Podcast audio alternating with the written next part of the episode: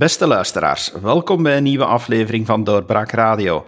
Ik ben uw gastheer David Geens en mijn gasten vandaag zijn onze Amerika-specialisten, die we heel graag op dit moment natuurlijk bij ons hebben, Rowan Asselman en David Nijskes. Welkom heren.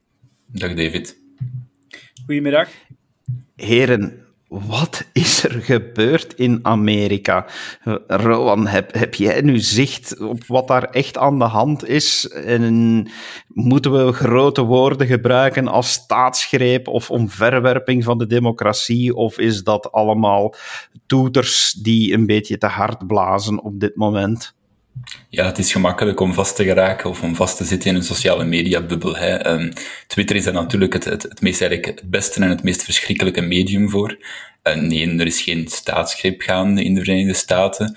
Uh, wat er gisteren, uh, want we spreken vandaag op 7 januari, eh, wat er gisteren gaande was, was, eh, en dat was de aanleiding van de, van de evenementen, was de certificering van Joe Biden als winnaar van de verkiezing.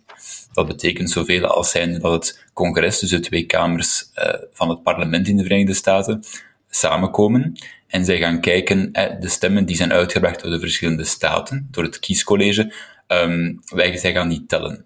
En dat is eigenlijk het enige wat ze daar doen. Nu, wat kan er gebeuren? Dat is dat, en dat wordt aangekondigd ook, dat senatoren en afgevaardigden van beide kamers dus, um, verzet gaan aantekenen tegen sommige staten die stem hebben uitgebracht. Dat was op voorhand aangekondigd. Dat stookte natuurlijk wel een beetje de gemoed, dat verhitte de gemoeder natuurlijk wel een beetje wel. Waarbij het republikeinse senatoren en afgevaardigden zeiden, kijk, we gaan tegen een select aantal staten um, verzet aantekenen. Uh, ondertussen, dus tijdens die certificering uh, van Joe Bidens overwinning, was er ook een rally gaande. Trump die had, uh, sprak zijn aanhangers toe in Washington. En daar werd gezegd van, kijk, uh, wat er gaande is momenteel is eigenlijk een affront voor de democratie. Ik heb de verkiezing gewonnen. Dat houdt hij vol sinds de verkiezingsavond eigenlijk. Um, ook toen het bleek dat er eigenlijk minder en minder grond was. En uiteindelijk ja, vind ik dan geen grond om dat te blijven volhouden. Um, en dat was eigenlijk een beetje uh, die speech. Uh, hoewel ik zal niet zeggen dat hij de rechtstreekse aanleiding was. Maar die speech ging natuurlijk wel vooraf aan de beelden die dan meteen getoond werden op Twitter, die de media rondgingen, waarvoor blijkbaar een apart journaal werd georganiseerd in Vlaanderen. Dat was wel interessant. Um, dat er um, een, een, een, paar tientallen uh, betogers zich een, weg hadden gebaand uh, in het Capitool. Het Capitool is het parlementsgebouw, waar dus op dat moment de telling van de stemmen van het kiescollege gaande was, waar op dat moment uh, de certificering van Joe Biden's overwinning gaande was. Ja, mag ik toevoegen? Ja, dus uh, zoals Rowan al zegt, hè, dus inderdaad, uh, de, de media en vele anderen uh, hebben de grote woorden gisteren niet geschuwd. Hè. Staatsgreep, ja, het was geen staatsgreep. Als dit een staatsgreep is, dan gebeurt er hier in België elke, op het moment dat de vakbonden betogen, is er elke keer een poging tot staatsgreep. Dus ik denk niet dat er een staatsgreep is. Wat er dus wel is, is een niet georganiseerde bende die het kapitool is binnengebroken. Hè? Terwijl je er in principe ook gewoon via de ingang binnen kan. Hè? Het kapitool is een zeer open plek. Hè? Net zoals de meeste uh, kapitolen in uh, de Verenigde Staten, in alle, in alle steden, uh, in alle hoofdsteden kom je in die kapitolen kom je zeer gemakkelijk binnen, veel makkelijker dan bij ons. Je mag er vrij rond en je mag er vrij rondlopen. Dus dat is, dat is één. twee, maar hè, dus de president heeft wel dus met die. Heeft trouwens uh, ook de toelating gegeven dan heel snel aan de National Guard om, uh, om tussen te komen. Maar het moet wel zeer duidelijk zijn dat het is niet omdat je een kapitool op een normale manier binnen kan. Hè, dat je daar één kan binnenbreken. En twee, dat je daar, en dat je daar werkzaamheden gaat verstoren. Hè. Dat, daarover gaat het voornamelijk. Het gaat over het verstoren van de werkzaamheden. En dat is absoluut crimineel en kan niet streng genoeg veroordeeld worden. Uh, verder uh, is het ook wel zo dat de president niet ontsnapt aan uh, alle verantwoordelijkheid. Hè? Dus ik ga niet zeggen dat hij de, de hoofdverantwoordelijk is voor wat er gebeurt en dergelijke meer. Maar het, is wel, moet wel zeer duidelijk zijn dat hij niet ontsnapt aan alle verantwoordelijkheid. Dus de rally, hè, je kunt zeggen, oké, die rally. kijk, in theorie kan dat. Hè? Dus mensen kunnen protesteren. De president kan zijn mensen nog samenbrengen. Honderdduizenden mensen naar Washington. Allemaal prima. Ehm, de oproep van naar het kapitool te gaan die hij in zijn speech doet, ik denk dat hij daar wel zegt op een gegeven moment, maar misschien daar mij verbetert, uh, dat hij toch tenminste zegt in, op een vreedzame manier of kalm. Maar goed, dat is, vind ik al persoonlijk op het randje, maar het zou niet de eerste keer zijn dat er aan het kapitool wordt geprotesteerd en mensen die buiten staan roepen aan, aan het kapitool om te protesteren wat er binnen gebeurt, daar is op zich ook niks mis mee. Hè? Uh, verder is het natuurlijk wel zo voor de diensten van het kapitool dat de beveiliging niet op punt stond. Uh, ik denk dat we dat wel ook zeer duidelijk gezien hebben. Maar een veel groter probleem met Trump uh, vind ik persoonlijk, dat is de druk die hij op zijn vicepresident gezet heeft. Want dat gaat over iets veel belangrijker. Dat gaat over iets fundamenteel. Dat gaat over, gaat over de republiek. Het gaat over republikeinse waarden. En het is zo dat de vicepresident de vicepresident is, op dat, is, is daar, zit daar niet als vicepresident, hij zit daar als voorzitter van de Senaat. Hè? En, het is, en hij, heeft, heeft daar een rol te spelen, maar dat is een ambtelijke rol. Hè? En uh, Trump heeft daar veel te hard op geduwd dat Trump uh, die certificering van die staten, uh, dat Pence die certificering van die staten kon terugsturen en dergelijke meer. Pence kon dat niet. Pence mocht dat niet doen. En Pence heeft, in zijn, heeft als vicepresident zich uitstekend geweten van zijn taak heeft een goede brief geschreven. Hè? Dus waardoor waar, ik, ik, en ik vind dat uh, Pence de juiste keuze gemaakt heeft en niet te luisteren naar de president. En de president heeft daar grote fouten in gemaakt. En dat, en dat is een verantwoordelijkheid die hij niet ontloopt. daarnaast, het jammere van dit hele gebeuren is dat dus die zitting verstoord werd en de procedure waarbij de bezwaren kenbaar gemaakt werden tegen de stemmen uit de andere staat niet volledig uh, normaal is kunnen verlopen. En waarom was dat zo belangrijk? Op zich is dat niet belangrijk, omdat we, we wisten de, uit, de einduitslag, eh, wisten we. Maar waar het over gaat is dat men tenminste voor de geschiedenisboeken had kunnen noteren dat er uh, welke, laten we zeggen welke, ik kan ook niet zeggen of dat ze nu, ik, ik, ga er niet, ik ga niet over de inhoud van, of, of er nu geknoeid is met stemmen en dergelijke meer, uh, daar gaat, maar dat tenminste voor de geschiedenisboeken was bewaard gebleven wat de uh, bezwaren waren uh, van die verschillende mensen over die verkiezingen, die natuurlijk op een abnormale manier verlopen is vanwege de pandemie. Um, verder wil ik nog even iets zeggen over de grieven van Trump. Ik, ik ben ervan overtuigd dat Trump en de mensen rondom hem ervan overtuigd zijn dat de andere kant de verkiezing gestolen heeft. Ik denk niet dat dat iets is, hoe moet ik het zeggen, uh, dat ze doen in, in, in functie van we hebben verloren, maar we gaan hier absoluut alles doen om aan de macht te blijven. Ik denk dat niet. Ik denk dat ze 100% eerlijk ervan overtuigd zijn dat ze verkiezingen hebben. Maar goed, hè, na de uitputting van de rechtsmiddelen had Trump volgens mij direct gas moeten terugnemen. En dat was in feite op het moment dat Supreme Court zei: we gaan de zaak niet opnemen. En dan moet je u als goede republikein, hè, ik praat goede republikein met kleine r, hè, dan moet je als goede republikein daarbij neerleggen. Je moet u neerleggen bij de instelling. En uh, dan had men nog alles kunnen doen. Hè. Wat men gisteren plan had men nog bezwaar kunnen maken en dergelijke meer. Uh, dat had men allemaal kunnen doen. Dat had men allemaal kunnen doen, maar uh, daar zijn de fouten uh, gebeurd en Trump ontsnapt niet aan de verantwoordelijkheid. Ja, ik wil heel kort inpikken op een belangrijk punt dat, dat David daar vermeldt. Um, op het moment dat de rechtsmiddelen waren uitgeput, was het inderdaad duidelijk dat Joe Biden ging winnen. En dat hij de, of hij had natuurlijk gewonnen, maar dat, dat het definitief ging worden vastgesteld door het congres. We, spra we spraken daar net over, die, over, die, over dat verzet dat ging worden aangetekend door afgevaardigden en, en senatoren. Die mensen zelf um, zeiden trouwens ook heel uitdrukkelijk, kijk, onze bedoeling is niet uh, om de overwinning van Joe Biden terug te keren.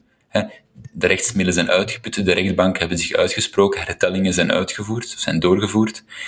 Hun punt was meer om, om, om, deze, om deze gelegenheid aan te grijpen, dus de telling van de, van de kiescollegestemmen aan te grijpen, om een soort van podium te hebben om hun grieven uh, over de kiesprocedures in de verschillende staten uh, duidelijk te maken.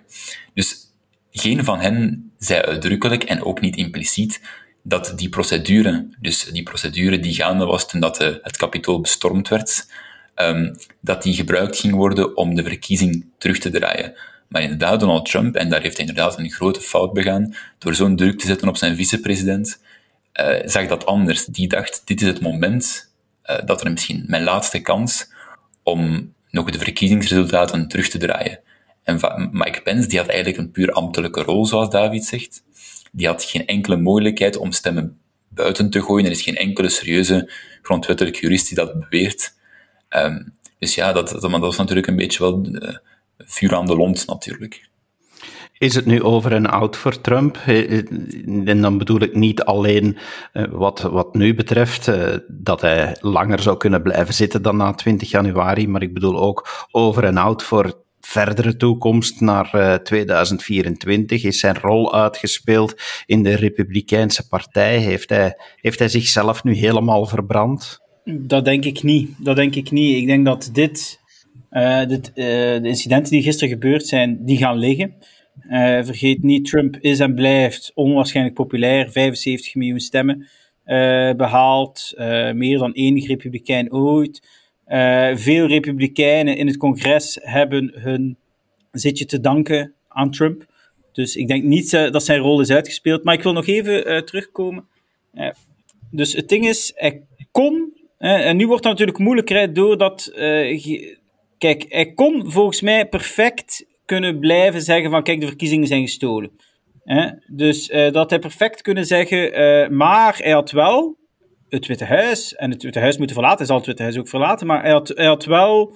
Um, hij had ook gewoon gisteren kunnen zeggen, en daar, daar heeft hij natuurlijk ook een fout gemaakt in een van die films, dat hij gewoon moet zeggen: kalmt, dat hij niet nog een keer moeten zeggen. Hij had misschien één keer kunnen zeggen: van kijk. Uh, wij geloven uh, dat de verkiezing gestolen is, maar goed, hè, het is nu kalmte en ik ga weg, want dit is het republikeinse, uh, dit is wat wij doen, hè, wij als Amerikanen, republikeinen met een kleine r, onze, onze republiek is belangrijk. dat had hij volgens mij beter kunnen doen. Vergeet niet, ik bedoel, je hebt, we hebben gehad in, de 18, in 1890, hebben we ook een president gehad die een midterm verloren heeft. Uh, Grover Cleveland heeft ook een midterm verloren. En nu zegt iedereen, wie is Grover Cleveland? Hetzelfde zal binnen 120 jaar uh, met Trump zijn. Hè? Dat zal nog een verre herinnering zijn. Maar Grover Cleveland heeft ook vier jaar aan een stuk zitten zeggen van... ze hebben mijn verkiezing gestolen, ze hebben mijn verkiezing gestolen. Andrew Jackson heeft het ook gezegd, begin 1820. Ik wil maar zeggen, dit zijn normale zaken. Dit is enkel maar retoriek.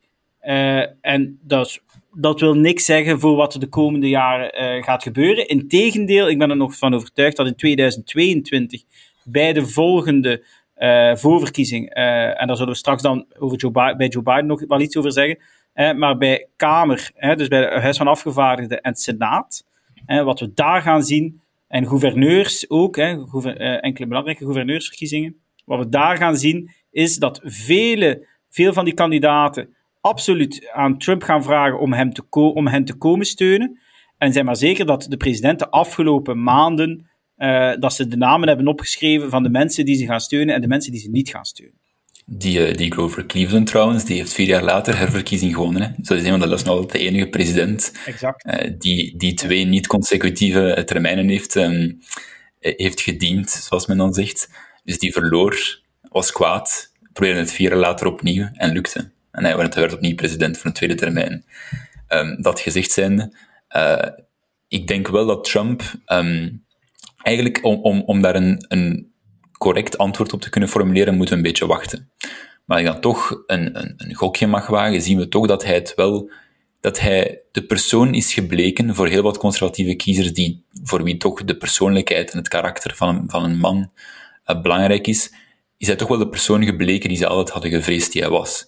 Nu, dat is niet echt een verrassing voor iemand. Iedereen weet dat Donald Trump, ik zal mijn kinderen, wanneer ik kinderen heb, zou ik ze niet bij hem achterlaten. Um, maar, dat gezegd zijnde, zijn aanhang blijft gigantisch. Hebben jullie de beelden gezien uh, van Washington DC?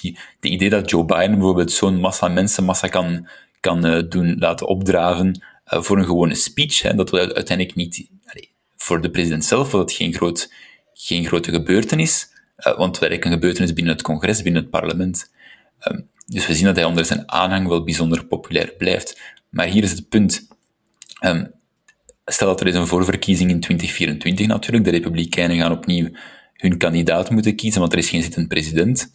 Um, de vraag is hier, gaat er een, een duidelijke tegen... Eigenlijk zijn er twee vragen. De eerste vraag is, is er iemand die de Trump-mantel van Trump kan afnemen? want dat lijkt misschien heel vreemd. Maar Trump gaat binnen vier jaar natuurlijk ook vier jaar ouder zijn. De vraag gaat zijn of hij er nog eens zin in heeft. Hij wordt gewoon een zeer oude man ondertussen. Um, En is er een, jongere, charismatischere figuur die de kiezers van Trump aanspreekt meer dan Trump op dat moment zelf? Dat lijkt mij misschien onwaarschijnlijk. Dus daar zou ik misschien mijn geld niet op inzetten. De tweede vraag is, gaat er een tegenkandidaat voor Trump zijn? Stel, Trump gaat ervoor, probeert het nogmaals. Gaat er één persoon zijn eh, die, Trump, die, die de anti-Trump stem binnen de Republikeinse Partij um, voldoende duidelijk en helder uh, zal vertegenwoordigen? Het belangrijke woord is hier één. Want we mogen niet vergeten, een van de belangrijke redenen waarom dat Trump in 2016 de Republikeinse nominatie won, was omwille van de verdeeldheid uh, van de Republikeinse Partij. Trump zat rond de 30 à 40 procent voor heel lange tijd in de eerste voorverkiezingen. Um, en de rest zat zo wat rond de 10 à 20, hè, toen er nog een paar serieuze kandidaten overbleven.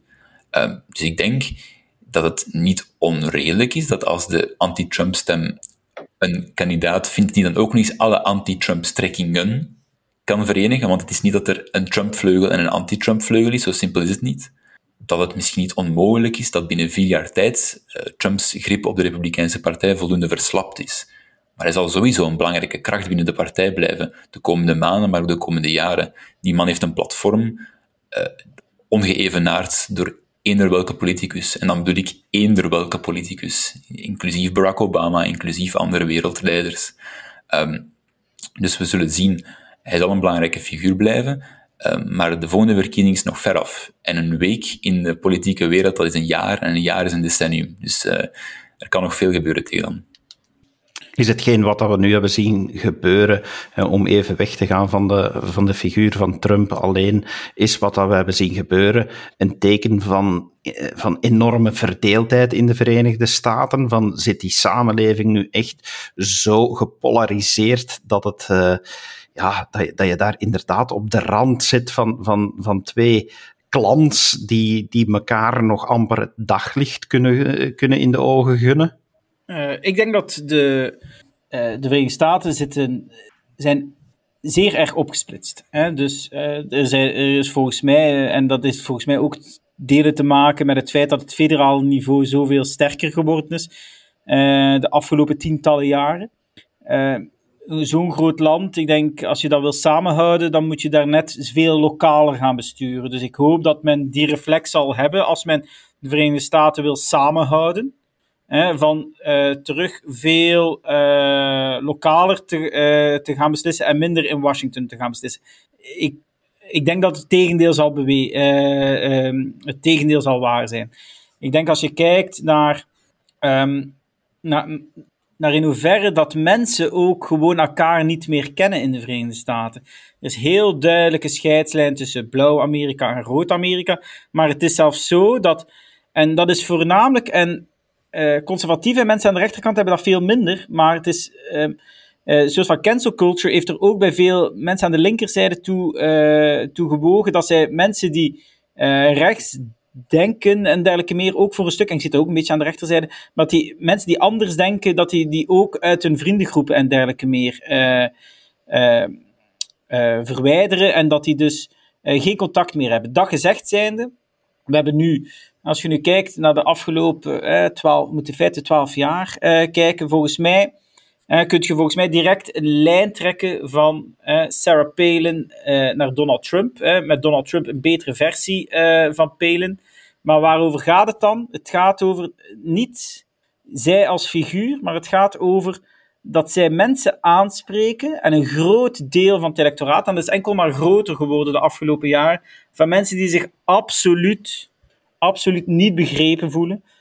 zij voelen alsof dat er op hen wordt neergekeken.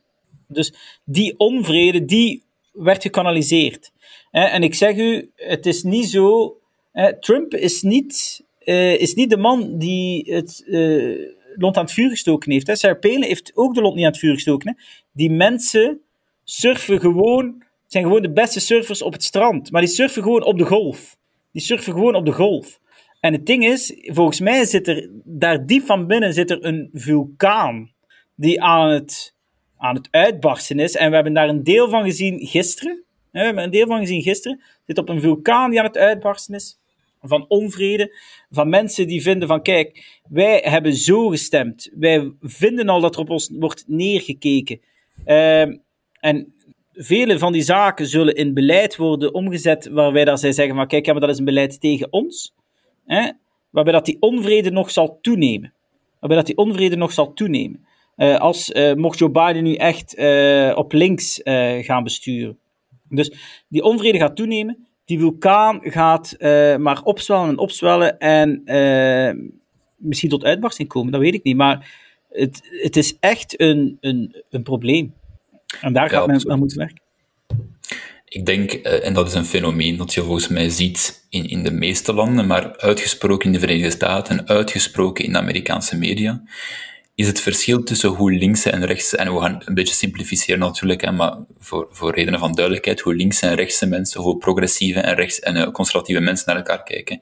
Ik denk dat de algemene idee onder conservatieve slash rechtse mensen is dat linkse mensen uh, misleid zijn. Dat zij iets bijzonder verstandig zijn, dat zij een beetje dwaas zijn. Oké, dat is misschien niet mooi, maar het verschil is dat onder linkse en progressieve mensen, die, die, zij zien rechtse mensen niet zij zien ze ook als dwaas of misleid, maar niet voornamelijk. Ze zien ze echt wel als slecht, als minderwaardige mensen. Um, of, of toch, of dat, er worden toch onmiddellijk um, slechte of boosaardige motieven aan hen, aan, toegeschreven. En dat zie je veel minder, denk ik, aan rechterzijde. Uh, daar wordt vooral gekeken naar, naar, naar de democraten als zijn bende idioten, eigenlijk.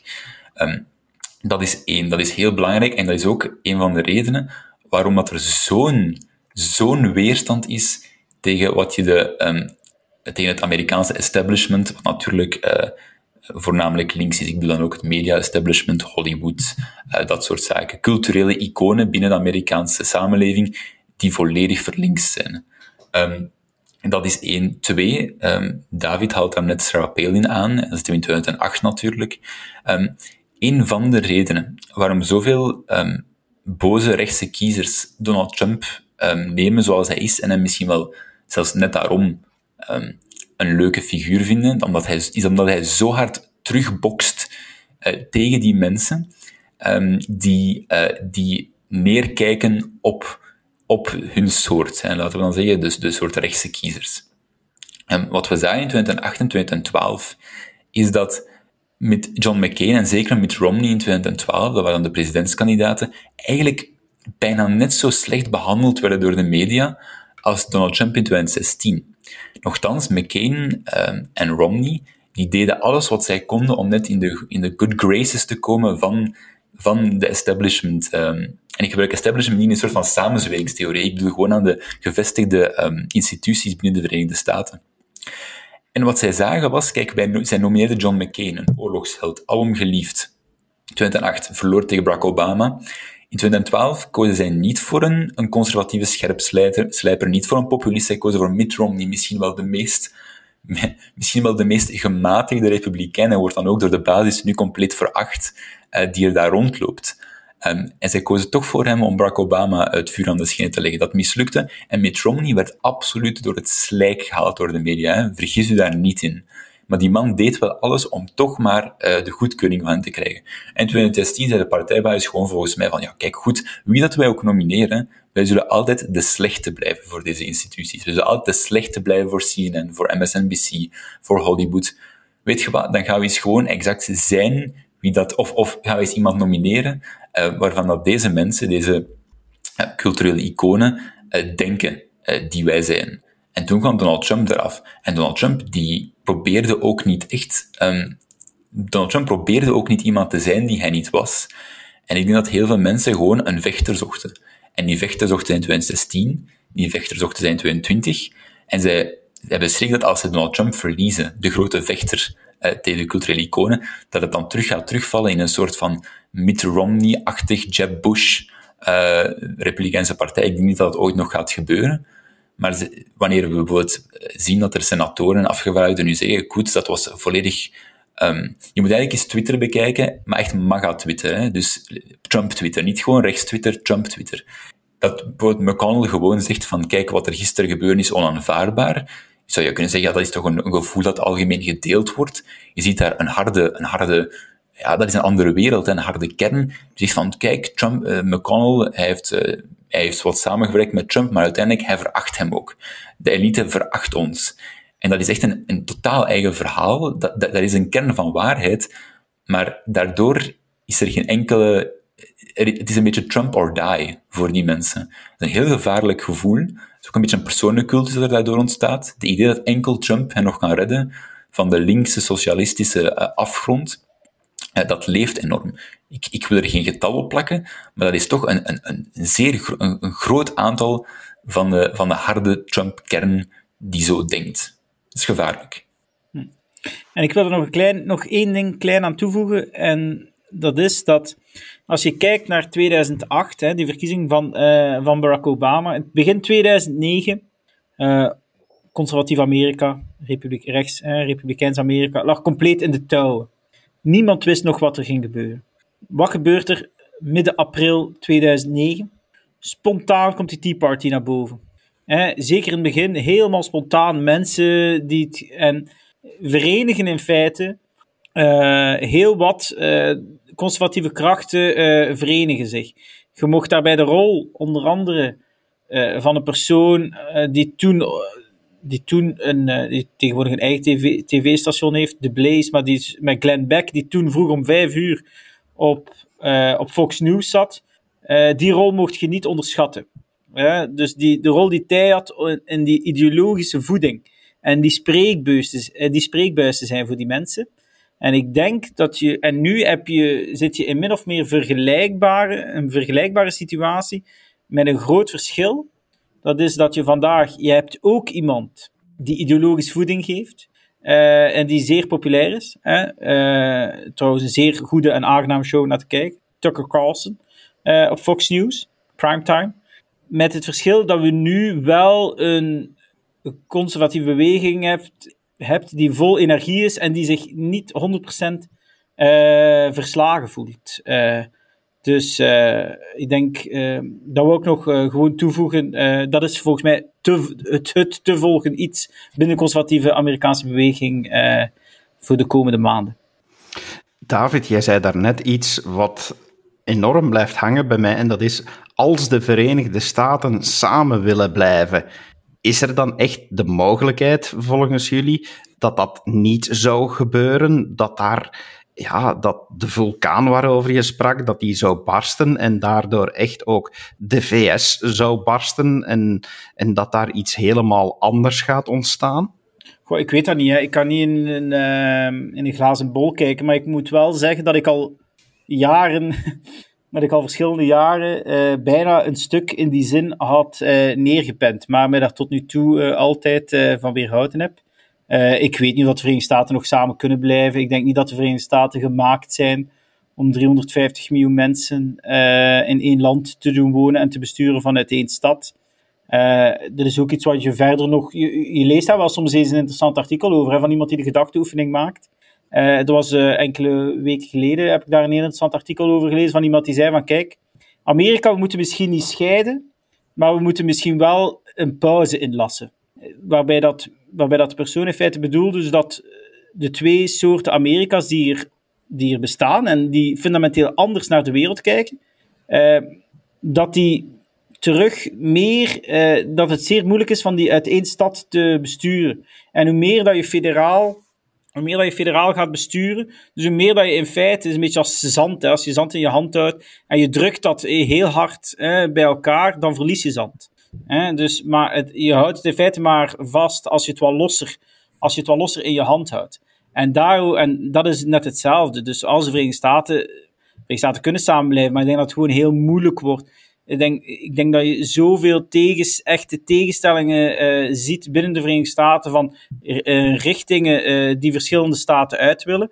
Ehm, dat je volgens mij niet anders kan dan net terug meer macht geven aan die staten, waardoor dat het land kan samenblijven. Want ik zie dit niet, ik zie dit niet blijven. ik zie dit, ja, dit lijkt, ik, denk dat, ik denk dat de tegenstellingen echt zeer groot zijn. Ja, het is overduidelijk dat er twee Amerika's zijn, maar ik denk een van de problemen eh, die bij een scheiding zouden opdoemen is wat scheiden. Want het verschil is niet zozeer tussen, laten we zeggen, California aan linkse zijde en Kentucky aan rechtse zijde, Het verschil is tussen steden en platteland. En je kan niet steden uit hun geografie tillen, alle steden in één stad, in één grote landmassa stoppen, en dan alle plattelanden in een soort van aparte landmassa. Het probleem is dat de staatsgrenzen, eigenlijk iedere staat heeft die twee Amerika's binnen zich. California heeft Trump-Amerika en grootstedelijk Amerika, links-Amerika. Kentucky heeft dat ook. Ehm, we spraken over, eh, over Georgia, of de, de verkiezing van Georgia is net gepasseerd. Atlanta, de hoofdstad van Georgia, lijkt veel meer op New York dan op het platteland van Georgia. En dat is een probleem voor een, voor een hypothetische eh, echtscheiding, laten we zeggen, is dat het is niet duidelijk of, of, of, of zo'n scheiding een, een, een, laten we zeggen, een ideologisch coherente scheiding zou zijn. Want je gaat eigenlijk die, in plaats van één groot probleem, ga je eigenlijk 50 kleine probleempjes hè, van de 50 staten, 50 kleine probleempjes um, creëren. Maar inderdaad, eh, een van, de, een van de gevolgen is natuurlijk, of een van de logische stappen die zouden kunnen worden genomen, is, en dat gaat niet alles oplossen, is inderdaad dat federaal niveau, um, dat federaal niveau kleiner te maken.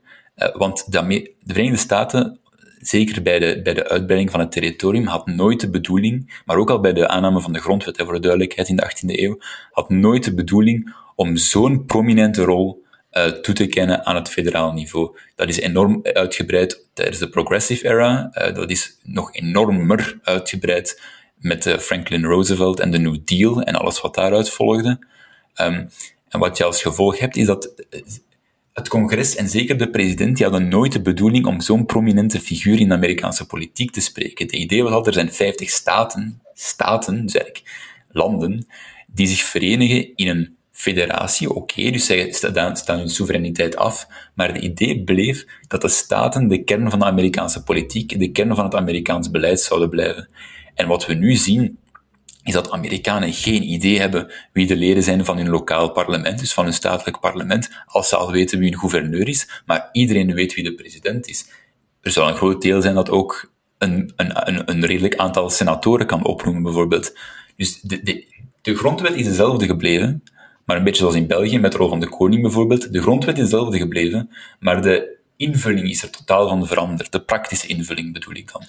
En de Amerikaanse Republiek was nooit gebouwd of is niet, had nooit als bedoeling, heeft niet de, de grondslagen, uh, nog de ideologische samenhang, de cohesie, om zo'n sterk centraal niveau te combineren met zo'n enorme diversiteit, hè, ideologisch. Eigenlijk is ideologisch de enige belangrijke, hè, goed, maar met zo'n enorme diversiteit over verschillende aspecten. Dat was nooit de bedoeling. En dat zien we nu het, eh, daar zien we nu het gevolg van, of toch deel Laat van. Laat ons nu even ook vooruitkijken vanaf dit moment. Ja, uh, Trump heeft aangekondigd dat hij zijn verlies accepteert en dat er een vreedzame overdracht zal zijn. Dus 20 januari hebben we president Joe Biden hoe gaat die starten? Waar, uh, wat mogen we ver verwachten aan veranderingen in de Amerikaanse politiek? Uh, waar liggen zijn uitdagingen als we de, de eerste maanden gaan, uh, gaan kijken naar het nieuwe beleid? Je moet natuurlijk eerst kijken wat kan hij doen. Hè? En daar, heeft de, daar is er goed nieuws en slecht nieuws en het is hetzelfde nieuws. dus na de, er, was het, er waren twee senaatsverkiezingen in Georgia. Die werden allebei gewonnen door de democratische kandidaat twee democratische kandidaten natuurlijk. Wat er nu op neerkomt, dat er eigenlijk wat ze noemen uh, unified government, verenigd bestuur, verenigd democratisch bestuur. De twee kamers van het parlement en de president zijn van dezelfde partij. Maar, dat is het goede nieuws, je dan denken, wauw, dan kan er veel gebeuren. Uh, ja en nee. Het is vooral op papier dat er een verenigd bestuur is, want in november, tijdens de verkiezingen voor het Huis van Afgevaardigden, hebben de democraten een dozijn of zoiets uh, zetels verloren. Uh, waardoor er nu een, een, zeer kleine meerderheid is, uh, maar in het, in, het, uh, in het Huis van Afgevaardigden. Maar aan de woorden heel weinig room for error.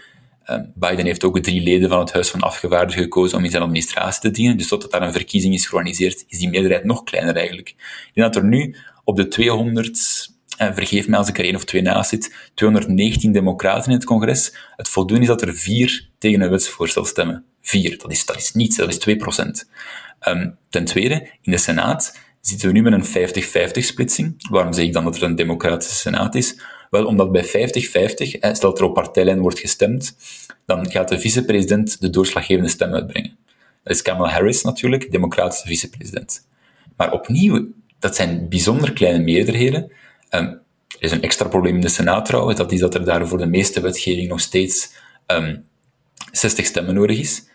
Opgelet, dat is wel maar een regel van interne procedure.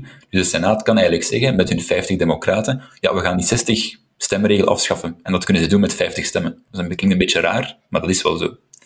Um, dus dat kan hij doen. Hij heeft met andere woorden zeer weinig room for error. Hij heeft een democratisch parlement, maar eigenlijk amper. Je hebt er ook, de, er ook nog redelijke diversiteit binnen de democraten, dus allemaal op één lijn krijgen, niet evident. Wat kunnen we dan verwachten uh, wat, wat beleid betreft? Ja, Biden heeft natuurlijk, en mensen zijn dat, schijnen dat te vergeten, omdat, er, uh, omdat het nu al een tijdje geleden is, hij heeft destijds een eenheidsagenda met Bernie Sanders opgesteld. Bernie Sanders, een voor de, om, om, de, om de zeer linkse basis te, uh, te paaien die toch wel in vragen had bij Joe Biden, heeft hij daar een, een toch wel vrij radicaal links of toch naar Joe Bidens carrière, eh, naar die maatstaf, een vrij radicaal links programma geformuleerd. Kunnen we verwachten dat daar veel van gaat gebeuren? Um, ja, onwaarschijnlijk met deze meerderheden, maar ik zou, ik zou er niet van verschieten. Biden heeft bijvoorbeeld, om één voorbeeld te geven, laten weten dat hij het ziet zitten, dat hij graag de meer dan 11 miljoen, maar het zijn eigenlijk stukken meer hoor, volgens mij, 11 miljoen uh, illegale immigranten in de Verenigde Staten, een soort van legaal statuut, niet meteen burgerschap, maar wat ze noemen een pathway to citizenship, een pad naar het burgerschap uh, te schenken. Of hij daar de mede, hij kan natuurlijk enkele um, acties nemen vanuit het Witte Huis, executive actions, die kan hij nemen, maar om een echt wettelijk statuut voor hen te creëren, dat dan niet door de volgende president teniet kan worden gedaan, daarvoor moet hij natuurlijk al die meerderheden in huis en, um, in huis en senaat vinden. Misschien is er wel een grote kans dat dat lukt. In het huis is er een gewone meerderheid nodig. Um, die zal hij waarschijnlijk nog wel vinden. En in de Senaat is er in principe 60 stemmen nodig. Um, maar zoals we in 2013 ook al zagen, zijn er wel voldoende, uh, wat, wat de partijbasis squishy Republicans noemt, uh, die op vlak van immigratie graag een deal zouden maken. Uh, omdat die 11 miljoen, die, grijze zone, omdat die 11 miljoen immigranten in verblijven, dat is eigenlijk voor niemand een goed idee, of voor niemand een goede situatie. Bijvoorbeeld immigratie zou een interessant punt kunnen zijn waar de Biden, de regering, op zou manoeuvreren. En dat ze misschien wel een soort van ja, minimum aan bipartisanship, een minimum aan republikeinen zouden kunnen overtuigen om, het, eh, om de voorstellen te steunen. Afhankelijk natuurlijk van de, van de concrete inhoud ervan. David, uh, de, er wordt vaak ook gezegd dat de, de volgende president, dat president Biden, de grote uitdaging heeft om het land terug te verenigen. En we hadden het daarnet over die kloof die er in de Verenigde Staten zit. Kan Biden die kloof overbruggen? Zie je dat in hem? Uh, nee. Nee, ik denk niet dat dat gaat gebeuren. En omwille van verschillende redenen. Omdat ik denk uh, dat Biden heel veel werk zal hebben in, in zijn eigen partij. Hè. Zoals Rohan daarnet al geschetst heeft. Die meerderheden in het congres voor democraten zijn in feite flinterdun. Uh, zowel in het huis als in de senaat. Uh, komt dan nog eens bij dat je ook wel wat gematigde, gematigde democraten hebt. En komt er ook nog eens bij dat zoals Rowan ook gezegd heeft, dat er een heel linkse agenda wordt verwacht. En dat er heel veel echte progressieve activisten een heel linkse agenda uh, gaan verwachten uh, van deze president en dit congres. Dus, en als die dat, en, en één, ze gaan het niet kunnen leveren, hè, laat, laat staan als ze, mochten ze het zouden willen leveren, wat ik al niet denk, maar zelf mochten ze het kunnen leveren, zal het, het, het zal niet mogelijk zijn. Men zal het niet kunnen leveren. En daardoor zal er voor Joe Biden zeer, zeer veel interne druk zijn. Uh, zeer veel interne druk en, en zullen we heel snel de eerste uh, ontgoochelingen, eerste ontgoochelingen zien. En dan is te zien wat er dan nog verder gebeurt bij in de Republikeinse Partij, of dat die gaan samenwerken of niet. Ik denk dat niet. Dat die echt net hetzelfde gaan doen als de Democraten de afgelopen vier jaar. Gedaan hebben, zijn de op de rem staan met beide voeten.